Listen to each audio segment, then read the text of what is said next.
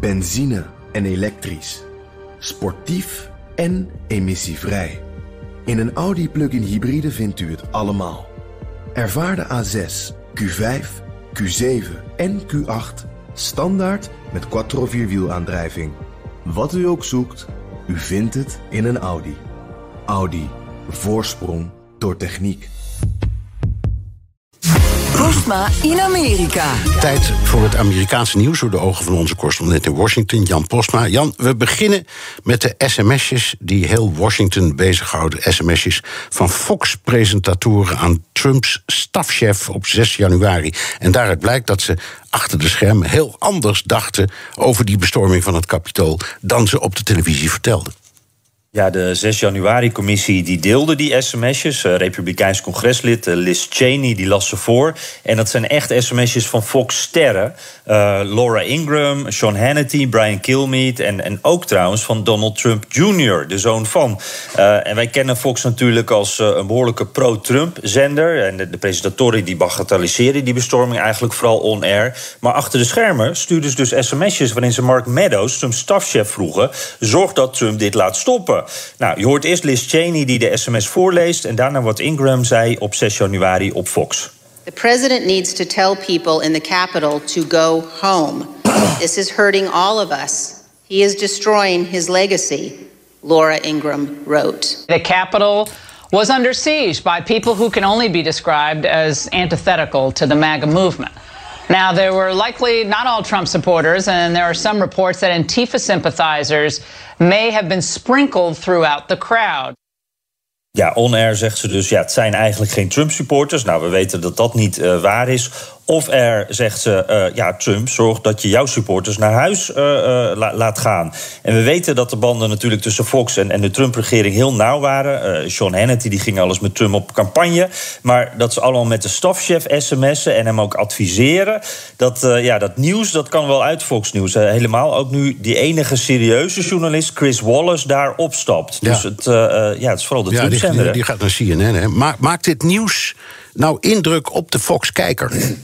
Ja, dat denk ik dan weer niet. Uh, dat zou je denken als je dit zo hoort. Want ze worden toch een beetje ontmaskerd hier. Maar het voorlezen uh, van die sms'jes, dat was live op uh, de andere nieuwszenders, maar niet op Fox News. En toen de opiniemakers, de grote sterren, reageerden op Fox News, ontkenden ze het gewoon. Laura Ingram die zegt: Ja, heb ik het ooit gebagatelliseerd? Ik, ik, heb, ik, ik, heb hier uit het fragment even wat tussenuit geknipt. Maar even daarna zegt ze dan: Het was helemaal geen opstand. En bagatelliseert ze het eigenlijk dus meteen weer. That sound like I was downplaying it to you, but it was not an insurrection.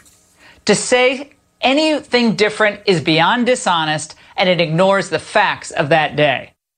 Ja, en Tucker Carlson die verdedigt zijn collega's. Die zegt, ja, die sms'jes verschillen eigenlijk helemaal niet van wat er op tv is gezegd. These are principled people. What they say in public is not that far from what they say over text message. If you get a text from Brian Kilmeade, it sounds pretty much identical to Brian Kilmeade on Fox and Friends. These are not phonies. We can personally confirm that. Whether you like them or not, they're real.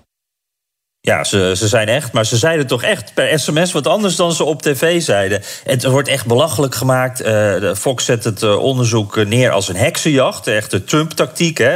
En ze zeggen, zie je wel, dit was niet georganiseerd. Anders had Donald Jr. ook niet ge-sms dat Trump er iets aan moest doen. Dus uh, dat wordt helemaal de andere kant op gedraaid. En ik denk als Fox-kijker denk je dus van, het stelt en niet zoveel voor... en het betekent heel wat anders dan wat de rest van Amerika ervan vindt. Ja.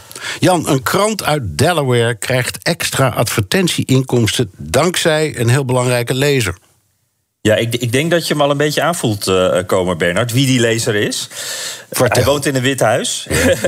Ja, ik zal eerst eens even teruggaan naar, naar een paar voorbeeldjes uit het uh, verleden. Uh, daar hebben we het ook wel eens over gehad. Obama die keek heel veel basketbal. Dus kocht de lobbyclubs spotjes in op sportzender ESPN in de regio Washington. Nou, Trump, daar weten van, die keek altijd naar Fox News. Naar de ochtendshow Fox and Friends. Dus zowel rechts als links kocht daar spotjes. ook zodat ze wisten dat Trump het zag. Nou, Biden is van het oude stempel. Die leest kranten. En daar zit ook nog steeds de News Journal tussen. Dat is een 100 jaar oude krant uit bij de thuisstaat Delaware. En in die krant zijn de afgelopen maanden voor, echt tienduizenden dollars aan advertenties gekocht. dat zijn ze niet gewend daar. Puerto Ricanen die van Puerto Rico een staat willen maken. Natuurorganisaties, een bedrijf dat wilde dat Biden een andere kandidaat voor de FDA zou kiezen. Een belangrijk overheidsorgaan, deed hij niet trouwens. En ook een Bijvoorbeeld een groep voor ongeruste wetenschappers die van kernwapens af willen. Nou ja, allemaal omdat ze weten, de president leest deze krant, deze krant uit zijn thuisstaat. En als je nou echt je best doet, als je echt alles uit de kast wil eh, trekken, dan doe je ook wat met Delaware zelf in die advertentie. Een oliemaatschappij die zet een medewerker uit Delaware in, in hun advertentie met als onderliggende boodschap: als u het ons moeilijk maakt, eh, als u op groene energie overstapt, president Biden, kost dat mensen in uw thuisstaat hun baan. Ja. Nou ja, dan moet je als president dan s ochtends bij je kopje koffie dan pak je die krant erbij en dan lees je dat. Ja, in het suffertje, wat helemaal geen suffertje is in dit geval. Dankjewel. Nee, lekker binnenloopt. Ja, Jan Postma, correspondent in Washington. Wilt u meer horen over dat fascinerende land? Luister dan naar de Amerika-podcast van Jan en mij. Benzine en elektrisch. Sportief en emissievrij. In een Audi plug-in hybride vindt u het allemaal. Ervaar de A6, Q5, Q7 en Q8 Standaard met quattro vierwielaandrijving. Wat u ook zoekt, u vindt het in een Audi. Audi. Voorsprong door techniek.